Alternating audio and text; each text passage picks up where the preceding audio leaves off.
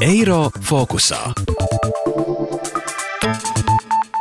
Nodarbinātības valsts aģentūras vadītāja Evita Simpsone stāsta, ka būtiskas izmaiņas darba tirgū nav notikušas, un NVA mājaslapā ir gandrīz 14 tūkstoši brīvas darba vakances.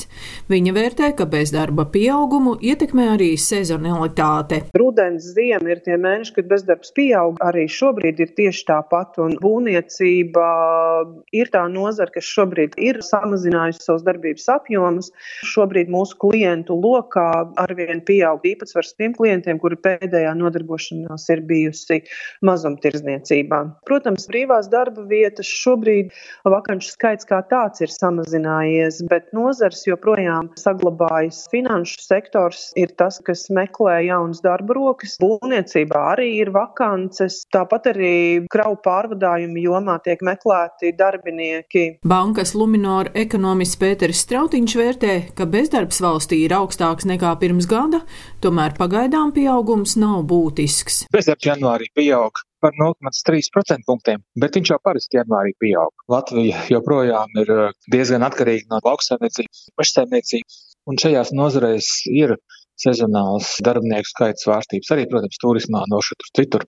Ņemot vērā to, ka tomēr liela daļa mazumtirdzniecības bija slēgta. Acīm redzot, gluži vienkārši uzņēmumu tur darbiniekus saņem eh, dīkstāvs pabalsts, apgrozāmo līdzekļu atbalsts un tam līdzīgi. Protams, kaut kāds cilvēku skaits tika atlaists pavasarī, daļēji pieņemts atpakaļ vasarā, bet kopš tā brīža nav bijusi tāda dramatiska darba tirgus situācijas pasliktināšanās. Latvijā tā valsts atbalsta politika krīzes laikā ir kritizēta, jā, un droši vien, ka atbalsts bija pārāk skols, bet nav jau tā, ka nav vispār. Un tieši pēdējos pāris mēnešos izmaksātajā atbalstā ir diezgan liels pieaugums. Tas tad, eh, acīm redzot, arī palīdz to bezdarbu noturēt zemā līmenī. Valsts ieņēmumu dienesta nodokļu nomaksas veicināšanas pārvaldes direktore Santa Garanča stāsta, ka pēdējo mēnešu laikā palielinājušies dīkstāves pabalsti. Tagad tie ir vidēji 506 eiro mēnesī. Trīs mēnešos dīkstāves atbalstā izmaksāti 34 miljoni eiro, un tie piešķirti piešķirti 55 tūkstošiem cilvēku. Viņa uzsver, ka šobrīd dīkstāvus atbalsta nosacījumi ir mainījušies. Pat ja mēs runājam par šo minimālo atbalstu, kas šobrīd ir 500 eiro, tā ir pietiekami nopietna nauda kaut kādu pamatu vajadzību sekšanai, un uh, daudzos gadījumos arī dodoties bezdarbnieku rindās šis pabalsts būtu stipri, stipri mazāks.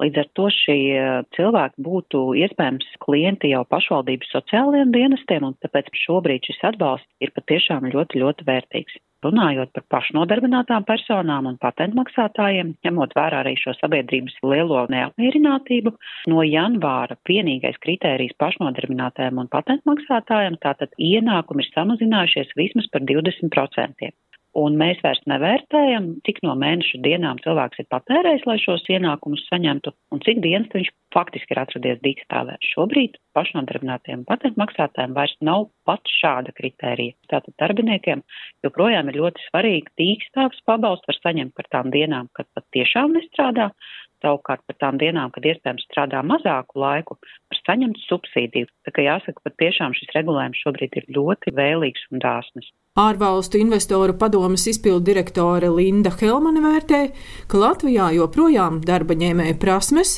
nesakrīt ar darba tirgus prasībām. Ko Covid parādīja, ka pamat digitālajām prasmēm vajadzētu būt visiem nodarbinātajiem. Un arī darba spēka elastība, ja tā varētu teikt, ir jāapzinās, ka darba tirgus attīstās diezgan ātri un cilvēkiem ir jāspēj pārkvalificēties arī uh, salīdzinoši ātros tempos, ja tas ir nepieciešams.